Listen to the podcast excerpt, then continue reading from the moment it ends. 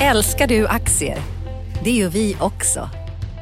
Sea Worldwide Asset Management är en av Nordens största oberoende aktiva aktieförvaltare och har samlad kunskap sedan 1986. Ta del av vår kunskap på seaworldwide.se. Bokstaven C, worldwide.se.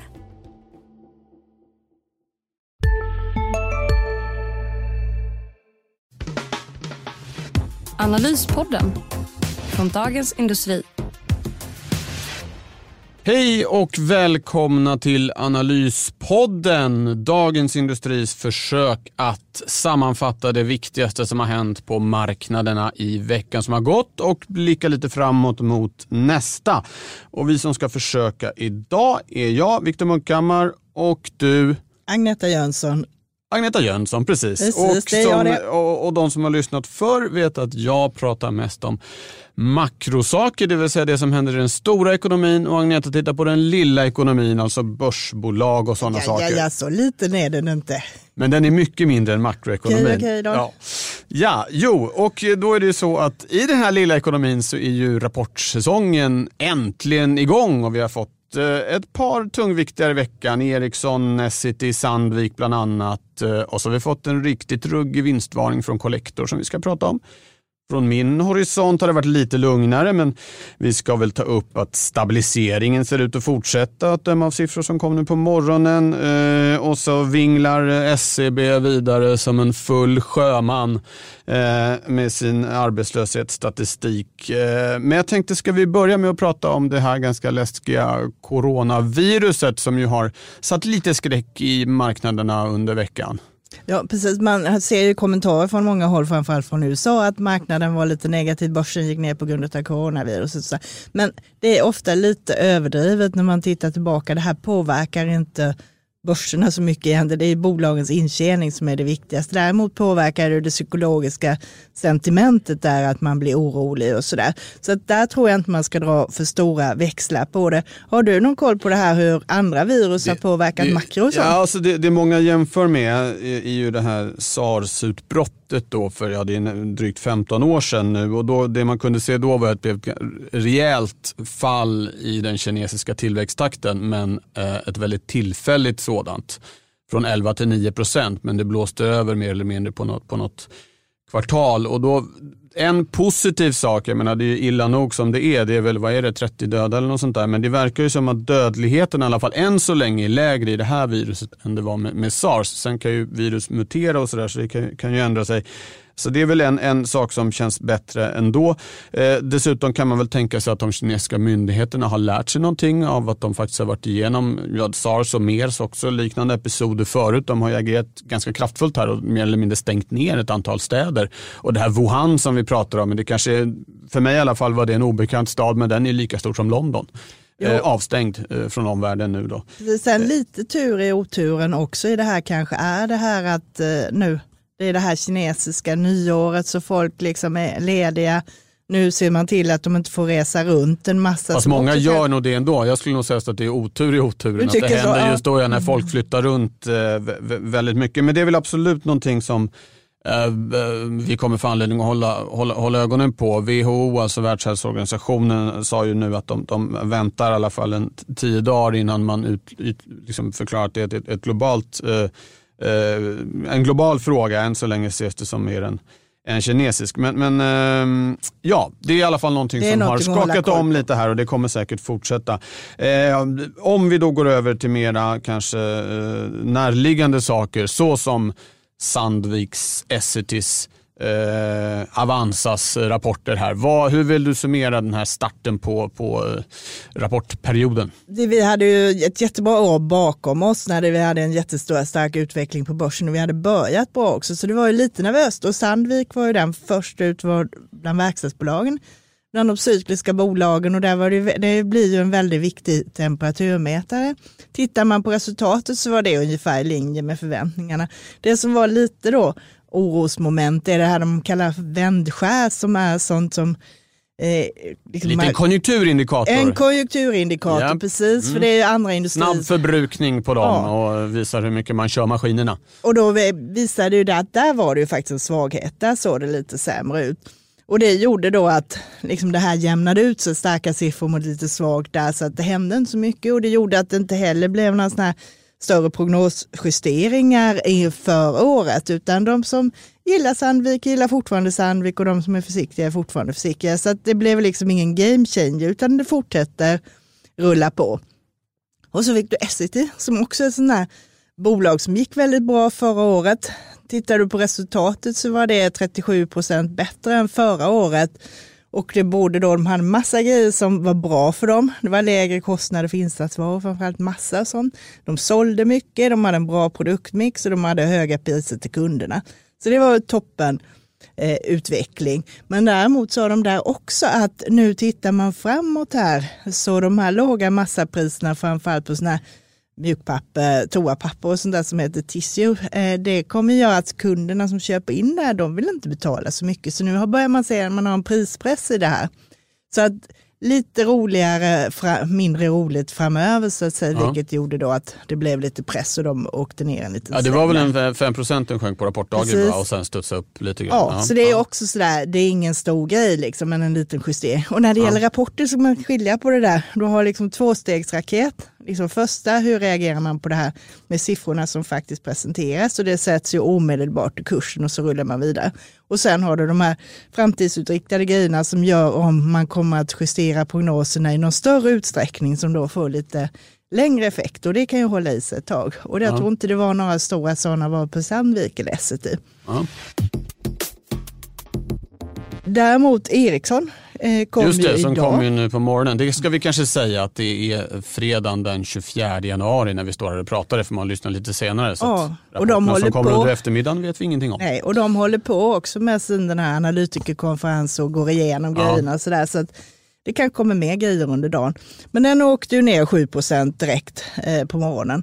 Och det som man har där, det är högre kostnader, både för det här liksom för att oh, undvika korruption framöver och andra kostnader. Man köpte ett antennbolag i Tyskland också som kanske inte var riktigt lika bra som man hade hoppats på. Sådana här grejer. Så kontentan av det här gör att analytikerna kommer att justera ner sin prognos ungefär för 2020 ungefär med 2 miljarder och det motsvarar ungefär den här nedgången vi ser nu en 5 till 7 procent. Så där har vi det här som, som man sätter det i kursen och sen så ja. rullar det vidare utifrån ja. det. Ja. Och det är framförallt det är det ju, Ericsson köper man ju på vad kommer hända med 5G, hur stor marknadsandel kommer de ta där, hur mycket kommer de tjäna på det. Så det är ju det fortfarande som är grejen, här är liksom en avstämningspunkt bara. Ja, ja. Och de höjde också utdelningen, de delade ut 1,50, det var lite högre än analytikerna hade väntat. Men det är ingen stor grej det heller, man köper inte Ericsson för att få en utdelning. Ja, det är väl ingen utdelningsaktie Nej, på det viset? Det är, Nej, det är av andra skäl man äger Utan det är ju andra skäl. Så ja, att det är liksom ja. tron på Börje Ekholm och kompani, hur mycket de kommer att ta av 5G-marknaden helt enkelt. Ja, ja all right. Ja, någon, ska vi väldigt kort bara Avanza också. De satte ny, kom med lite nya mål va? Eller var, Precis, de, ja de gör om lite. De har satt ganska ambitiösa mål. Istället innan har de fokuserat på att ta in så många kunder som möjligt med ett mål av en miljon kunder 2020. Nu vänder man om det så man tittar på sparkapital istället. Och det man vill göra det är att man ökar liksom takten för det här marknadsandelarna på nysparande. Eh, har man då eh, ökar man från 10 till 15 procent och det är ett ganska ambitiöst mål att ta 15 procent av allt nysparande för ändå en liksom förhållandevis liten aktör om du jämför med storbankerna och så. Och sen ökar man också målet på den totala marknadsandelen. Eh, man vill ha då 7 procent av den totala marknaden, nu har man 4,3. Så det innebär ah, att man behöver nästan till 2025, så man behöver mm. nästan dubbla kapitalet för att nå dit. Och eh, det är ju ambitiöst, men det är ju tuffa mål också. Och Avans, det speglas ju liksom i Avanza har ju vuxit kraftigt och det gör ju också att man har den här höga värderingen. Man hamnar alltid där som analytiker när man tittar på Avanza. Eh, du vet banker generellt är ju ganska lågt värderade. Tittar du på värdering gånger årsvinsten så ligger det runt 10. Tittar du på Avanza så ligger det runt 25. Ja. Och det gör ju också att eh, så länge allt det här rullar på, de växer och de når sina mål, så är det inget problem. Men den dagen man inte gör det, då är ju fallhöjden ganska stor, för då får du både ner värderingen samtidigt då som resultatet faller. Så du får den här risk-rewarden är inte riktigt så intressant i Avanza, Nej. vilket gör att många drar ner till sälj faktiskt. Ja, okej. Ja, eh, bra. Eh, Vill du ha ett litet exempel på vad som händer när just de här sakerna ändras? Ja, men gärna. Och vi- Började på K och sluta på lektor. Ungefär, Ja. precis. Och där har du, Collector kom ut Börjar på C ska jag väl C, säga, men det uttalas K. Ja. Precis, Collector kom ut i börsen här, det var 2015 och då var det så här tillväxtbolag, det växte jättemycket, man skulle inte ge någon utdelning, man skulle in med alla pengar i bolaget, man skulle satsa på fintech och liksom, aktien var uppe över 100 kronor. Sen har det liksom aldrig riktigt Hänt något. hänt något, utan det har varit liksom, man har vuxit ganska bra, men det har inte speglat i värderingarna, det var ganska försiktigt. Man har gjort, jag tyckte de såg intressanta ut för ett par år sedan, men sen började den här cirkusen med byte utav vd, man hade en vd som var in en kort period, ett halvår, så byttes det, så kom nästa, man har bytt CFO, man byter strul. Det är en massa strul helt enkelt, vilket eh, har ställt till det lite för dem. Och nu eh, kom det en Kom. rejäl vinstvarning här och reserveringar va, för eh, dåliga eh, krediter. Precis det som man gör där är, eh, Collector har en utlåning på 30 miljarder ungefär. Man gör en extra reservering för kreditförluster på 800 miljoner. Det motsvarar 2,25 procent utav utlåningen. Och det är jättemycket. Du kan tänka att storbanken de har promille och sen har de ju redan reserverat innan också. Och då kan man ju undra, liksom, hur kan det här hända? Och de har en stor utlåning till privatpersoner. Det är mycket konsumentlån och sånt. Nu har de en del till företag, varav fastigheter en stor del. Men det kommer nya redovisningsregler här för här, ett, här om året för just hur man ska reservera för kreditförluster. Och de är speciella. Det man vill där är att man ska vara väldigt mycket mer ute i förskott. Så det här är ju grejer som inte har hänt egentligen, men man befarar som ska hända. Man ska ta hänsyn till konjunkturen. Precis, det är inte så att det plötsligt har kommit en kreditsmäll på över 2 av Nej. det utlånade kapitalet utan att de gör en avsättning för det fall att det skulle hända, vilket de ju såklart hoppas inte ska hända. Precis, så att det gör ju också att eh, man jämför med de här andra bankerna som är Resurs och TF som också är konsumentbanker men inte har det här med företagen och fastigheterna.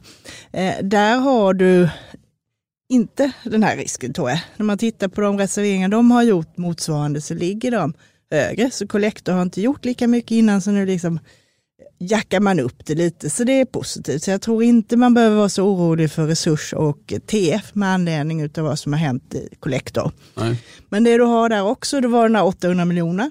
Sen tog man 150 miljoner i IT-nedskrivningar, vilket visar då att man har slängt pengar i sjön egentligen. Sen har man då något som heter Collector Venture, som är då investeringar i massa fintech och grejer, där man har investerat 230 miljoner. Det ska göras av med nu, så att Ja. det ska säljas och det vet vi ju inte riktigt värdet på heller. Avgående styrelseordförande Lena Apel ja, sa i vår tidning här att det troligen är vä- värt mer. Så Ja. där har du några grejer. Och man tar också bort något som heter Colligant, vilket är deras ett, ett dotterbolag som de har som höll på med inkasso. Bland annat driver man in hyresskulder åt fastighetsägare, men man köpte också sådär portfölj med avskrivna krediter, typ som Hoist och Intrum har gjort. Och den verksamheten ska bort. Så det är storstädning kan Det man säga. storstädning. Och vi kan väl Ja. säga det här med Lena Apler som är ju den som drog igång allt och har varit vd i olika omgångar och nu då slutar som styrelseordförande. Lite av en eh, epok som är över, även om hon väl ska sitta kvar i Hon styrelsen. sitter kvar i Och styrelsen. sen är det ju då Erik Selin, eh, den mycket framgångsrika investeraren som framförallt eh, har gjort sitt namn inom fastigheter men som nu håller på med allt möjligt känns det som. Ja, Som tar över som eh, ordförande. ordförande. Ja. Och han äger hans bolag Balder äger ju 43 procent av Collector och sen äger han själv en del också. Så att han äger ju nästan halva bolaget. Så att Ja. eh, nu rensar man ut och nu blir det liksom någon så här Vi är specialister på det vi gör, precis som du. Därför försäkrar vi på Swedea bara småföretag, som ditt. För oss är små företag alltid större än stora och vår företagsförsäkring anpassar sig helt efter firmans förutsättningar. Gå in på swedea.se företag och jämför själv. Sista dagarna nu på vårens stora season sale. Passa på att göra sommarfint hemma, både inne och ute. Och fynda till fantastiska priser. Måndagen den 6 maj avslutar vi med Kvällsöppet i 21. Välkommen till Mio. Back to basic och omstart. Om, omstart. Och hur aktien var ner, vad, 20 procent? Var det så mycket? Ja, till och med mer än det. Den är Ja. ner 30 procent nu Ja, ja, i veckan Okej. här. Så att en tredjedel av värdet borta i år. Och Dyrt att gör- börja om. Det är dyrt att börja om. Om man gör en ny emission också får vi säga på en miljard för att liksom staga upp det här så att man har de pengar man behöver enligt Ja. Finansinspektionens krav och sådär. Okej, ja. ja, då vet vi vad som händer när en hög värdering möter sjunkande intäkter och problem. Minus 30 procent nämligen händer då. Eh, ska vi snabbt kanske dra igenom, det mest spännande är ju faktiskt börsen den här veckan, men några saker har det hänt också från min sida så att säga. Och nu precis innan vi gick in här i studion så fick vi preliminära inköpschefsindex från Tyskland och Frankrike och även EMU-området. Och det var på det hela taget goda nyheter. De här tendenserna till stabilisering som vi ändå har sett ett tag fortsatte. Det allra bästa var väl att inköpschefsindex för industrin i Tyskland steg. Den är, det är fortfarande på en låg nivå men eh, liksom fallet har upphört och börjat klättra uppåt. Också sådana här komponenter som nya order och exportorder som är liksom framåtblickande drev det här. Så det, det var ju klart eh, eh, eh positivt. Frankrike lite svagare. Där har den här stora strejken som pågår som förmodligen har satt sig lite, inte minst på tjänste, tjänstesidan. Men en, en, en klart godkänd siffra även där. Tittar vi på hela EMU och det sammanvägda indexet tjänsteindustrin så var det oförändrat. Men lite då över det här 50-strecket som är tänkt att vara någon slags gräns mellan tillväxt och kontraktion. Det är ingen exakt vetenskap på något sätt men ändå något att hålla, hå- hålla sig kanske. Så att, eh, en, en, eh, ett bra, bra, bra statistikskörd eh, ska man säga. Fortsatt eh, stabilisering av konjunkturen men på en ganska dålig nivå men ändå. Det, De här små mätkrokarna som man säger, industri-PMI, det är ja, lite det, bättre. precis. Och det är väl ungefär det som många har sett framför sig, även om det var nog lite, lite över, över förväntan, i alla fall eh, från, från Tyskland. Då. Eh, sen på hemmaplan så eh, eh fick vi en ny mätning av arbetslösheten igår från SCB och det eh, fortsätter gunga kan man säga. Eh, I, I november steg arbetslösheten med 0,7 procentenheter och nu i december så sjönk den med lika mycket så vi är tillbaka på de 6,6 säsongsrensat som det var i oktober. Men kan så- vi lita på det nu då? Nej, det kan vi inte. Så här stora rörelser ska det inte vara. Okej att månadssiffror kan hoppa, men 0,7 procentenheter är en jätterörelse och att det är upp så mycket ena månaden och ner andra månaden. Det, det, det, det är de här problemen som SEB har haft. Sen de, eh, de tog in en extern leverantör, Evry, för att få ner kostnaderna för insamling av svar som de har haft problem med under många år. Att kostnaderna har stigit och kvaliteten har blivit sämre. Eh, och det visade sig att det, det här som Evry samlade in, det funkade inte alls. Så de har ju då reviderat om hela, hela tidsserien sedan halvårsskiftet 2018. Men problemet är då att då bygger all statistik på hälften så stort urval och det var ett problem redan innan och med ännu mindre urval så blir osäkerheten ännu större. Eh, och det är det vi ser nu också då. Så att det, det, det är nog svårt att riktigt lita på, på det här och det är ett väldigt eh, då, det, är väl, det är väl aldrig ett bra tillfälle att börja producera dålig statistik, men där vi är nu när allt tyder på att arbetsmarknaden har svängt om i Sverige från att ha varit väldigt stark till att vi har ett läge med stigande arbetslöshet. Eh, vi, eh, och I det skedet då att vi inte får tillförlitlig statistik är ju eh, olyckligt, är väl det uttryck som ofta eh, brukar användas när någonting är åt skogen. man kan väl komplettera med andra grejer. Jag tyckte blixtrade förbi i flödet att typ man ser att a-kasseutbetalningarna ökar och sånt där. Så att man, Precis, det, det har ju en del försök. Danske Bank har satt ihop en slags eh, regression där man lägger, lä, lägger samman andra saker. Man tar sysselsättningskomponenter från sånt som konjunkturbarometern, inköpschefsindex, tittar på antal arbetade timmar som då är en SCB-statistik och, och lite andra saker och har, har försökt hitta ett alternativt mått och enligt det då så skulle arbetslösheten vara 7,7 procent istället. Och det du är inne på, det var Ekot, radion som hade det, eh, den nyheten att, att utbetalningar från a-kassan ökar för första gången på många år och det är såklart ett tecken på att det ser sämre ut. Och så har vi ju statistiken från Arbetsförmedlingen då, som också visar, visar att arbetslösheten stiger. Så att vi kan nog vara ganska säkra på att arbetslösheten stiger. Men hur mycket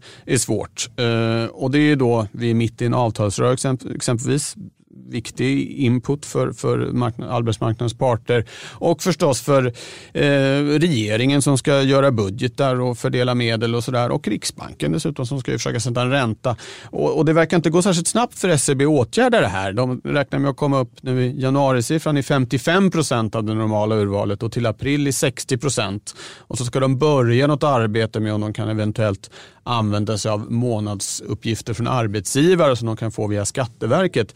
Men det, det går inte särskilt fort för dem och de har inget liksom, datum när man säger att då ska vi kunna börja lita på statistiken igen. Utan det verkar som att vi kommer få en slags parentes på kanske två år eh, när osäkerheten är betydligt större än vanligt i SCBs eh, mätningar. Och det, det, det är faktiskt underkänt måste jag säga. Och det är ju också jobbigt för man använder ju det här till mycket grejer, bland annat som bankerna och även som vi som tittar på bostadspriser och försöker förutspå vad som händer så är ju arbetslösheten en jätteviktig parameter för det här med bostadsmarknaden. Det är också viktigt för bankerna och folks återbetalningsförmåga och alla de här grejerna. Så det är ju allvarligt ja. att det inte går att lita på de här grejerna. Ja, och eh, de verkar inte ha särskilt bråttom heller eh, faktiskt om man får se det utifrån. Deras bild är säkert att de gör det så snabbt det går, men, men eh, särskilt fort går det inte. Vi får hoppas att de ökar takten där på, på eh, SEB. Något som nästan låter, heter som SEB är ju ECB, alltså den europeiska centralbanken. Och de kom med ett räntebesked i veckan, ska vi väl nämna också. Eh, och det var Eh, precis som väntat, eh, allting oförändrat. De gjorde ju sin eh, rörelse i, i september när de återstartade köpprogrammet av räntepapper. Men den stora grejen nu är den här strategiska översynen av penningpolitiken som officiellt lanserades här av chefen Christine Lagarde. Då, som ska löpa under hela det här året, blir klar någon gång före för årsskiftet. Och, det man kan tro kanske är att de eh, specificerar inflationsmålet, att de får ett så kallat symmetriskt mål. Alltså man siktar på 2% men inte det här som de har nu, nära men under 2 eh, Och sen så är det ju sagt att de ska vända på alla stenar och eh, risken är väl kanske att de gapar över lite för mycket. Att man dels höjer förväntningarna och tittar på lite för många håll istället för att koncentrera sig. Men det arbetet ska ju starta så det är lite för tidigt att, att säga ja, allt för mycket inget, om det inget direkt som man bör agera på där. Nej, det är svårt att agera på det skulle jag säga. Men det var väl den, den, den viktiga grejen som kom ut från ECBs räntebesked i alla fall. Det om veckan. Ska vi blicka framåt? Ja, nästa vecka på måndagen är det ingenting på börserna. Sen är det nu är det ju stängt i Kina, så nu behöver vi inte bry oss om vad som händer på börserna där. De håller ju stängt en hel vecka för nyårsfirande. Men det är något som du brukar titta på på måndag. Oj. Det börjar på I och slutar på index. Ja, precis. Eh, som sagt, då, preliminära index fick vi här. Eh, och då kommer det eh, ordinarie inköpschefsindex. Så sådana grejer är viktigt. Och sedan har du ju också det här tyska IFO-indexet, mm. tänkte jag på, kommer på måndag. Och det är väl också sådär lite temperaturmätare på tyska kommuner. Där kan man tänka man sig att det ska stiga då i enlighet med det vi såg här från, på, från, från uh, preliminära inköpschefsindex. Uh, och sen för svensk räkning så får vi en KI-barometer som ju blir intressant. Det är den liksom Eh, bredaste och bästa mätningen av eh, nuläget i den svenska ekonomin eh, eh, som kom på onsdag. Så den eh, ska man hålla koll på. Men framför allt är det ju en jättevecka i rapportperioden. Va? Det brakar loss ordentligt. Ja, då kommer väldigt många tunga bolag i nästa vecka som det kommer att rassla runt med. Så att jag kommer inte rabbla upp alla dem för då får vi stå här fram till lunch. Men det kommer ju, de stor, bankerna Några godbitar. Några godbitar kommer. Du har Swedbank på tisdag som är intressant. Där kommer man titta mycket på utdelningen. Vi vet redan nu att Swedbank kommer att ha mycket högre kostnader än tidigare. Det är alltihopa det här som är kopplat till pengtvättsutredningar och eh, sådana här saker. Så det gör att man räknar med att rörelseresultatet blir 10% lägre än fjärde kvartalet förra året. Och det ligger förväntningar i det. Eh, det som är spännande då för investerarna är ju också vad som händer med utdelningen. De sänkte ju sin policy, innan delade de ut 70 procent av utdelningen, nu delar de ut eh, 50. Och eh, förra året så fick man 14 och 20. Om man nu skulle gå på det här att man delar ut hälften så skulle det bli ungefär 8 och 50. Men det är ju de som tror också att det blir sämre, som Handelsbanken tror att de kanske bara delar ut 5 kronor därför att man vill hålla i pengarna nu med tanke på vart man inte vet. Osäkerheten kring böter och sådana saker. Ja. Och det gör ju också att då trillar de bort lite som det här som utdelningscase. Skulle bli en femma så blir det en direktavkastning på 3,60 och det är liksom inte så mycket att köpa bara för den sakens skull. Det känns, Swedbank känner jag att man kan hålla sig borta lite från. Det man vill ha där är att liksom, om och när de har någonting att säga om de här utredningarna så man liksom får eh, mer på fötterna och kan avgöra liksom hur läget är. Och det är framförallt vad som händer i amerikanska utredningar som är intressant där. Däremot kommer en som jag tycker är spännande på onsdag kommer SCB som jag tycker har förutsättningar att komma med en bra rapport. De har ju också större andel intäkter från finansiella marknader och rörelser vi har haft där och vi har ju haft ett bra kvartal vad det gäller börsen och sådana här saker och det har även rört sig en del på räntesidan under fjärde kvartalet. Så där tror jag att vi kan få prognoserna ligger på att resultatet ska vara 10% bättre än förra året och det kanske kan bli till och med en liten positiv överraskning. De har också en historik att de brukar överraska positivt. Eh, tittar vi på 10 Q4-rapporter så de har överraskat 6 av 4 och nu har de haft en svit på fyra i rad här när de har eh, trillat in och överraskat positivt. Och du har också om man nu späckar i rapporter så är det lite kul att se liksom hur det brukar röra sig. Och där har du också en sån där bra liksom, statistisk utveckling. Om du har överraskat positivt så har de snett gått upp 4 procent och har de överraskat negativt så har det i snitt gått ner 2. Så att det är också, är det, vill du chansa så är det rätt bra läge. Ja. Eh, och eh, Swedbank har haft en bra historik men nu känns det lite som det är andra grejer som styr där. Ja. Sen har du också det här i SCB att du har den här eh, pågående utredning från Finansinspektionen om eh, penningtvätt som följde i spåren på det här med Uppdrag granskningsprogram. Men där tror jag med lite tur att vi får den här rapporten här under eh, april pratar man om och eh, att man sedan kan lägga det åt sidan och glömma bort det där lite i alla fall. Det är min förhoppning. Ja. Och så kommer ju Atlas. Sen kommer Börsens Atlas. stjärna kan man väl eh, kalla dem Precis, för. och det är också börsens största bolag. Ja. Eh, Och, eh, Kan flytta index. Kan flytta index eh, så att det blir spännande. De kommer på lunchen klockan 12. Mm. Samtidigt som Autoliv, så då blir det lite action och många analytiker får gå på lunch. Vilken, vilken dag? Det är på tisdag det också. okej. ja. Så att eh, där blir det full fart eh, också. Och sedan har du på torsdagen så kommer Volvo säkert att vara huvudnumret tillsammans med H&M. Ja. Oj, det oj, blir oj. Det är också de, en- stora elefanterna som vandrar in på scenen nästa vecka. Det blir det, så att det blir mycket att titta på. Och sen på fredagen så har du ett Epiroc och Lundbydin Petroleum och Elux och JM. Så att det blir intressanta rapporter varje dag utom på måndagen. Ja. Så att eh, de som följer börsen får att göra lite. Ja, och vi kommer att få att göra också. Det låter som att det kommer finnas mycket att prata om i Analyspodden nästa fredag. Eh, då vet vi hur eh, de här eh, tungviktarna hade det under det sista kvartalet Ja. i fjol. Men du Eh, har gjort en annan podd också nu i veckan va? Jag har gjort en annan podd i veckan. Makrorådet eh, kan man absolut lyssna på. Det kommer ingen ny i nästa vecka. Det dröjer eh, två veckor till dess. Men eh, lyssna för all del på den som vi spelade in i förrgår med Andreas Wallström från Swedbank och Johanna Jansson, vår före detta kollega som numera är Norden-analytiker på Bloomberg. Och sen finns förstås Digitalpodden att lyssna på och dagliga eh, poddar som hänger ihop med tv kan man ju säga. Precis, Ekonomistudion och Morgonkollen. Ja. Så det är bara att sätta sig och lyssna. Sätt er och lyssna. Nu tackar vi för idag. Hej då! Hej då! Analyspodden från Dagens Industri. Programmet redigerades av Umami Produktion. Ansvarig utgivare Peter Fellman.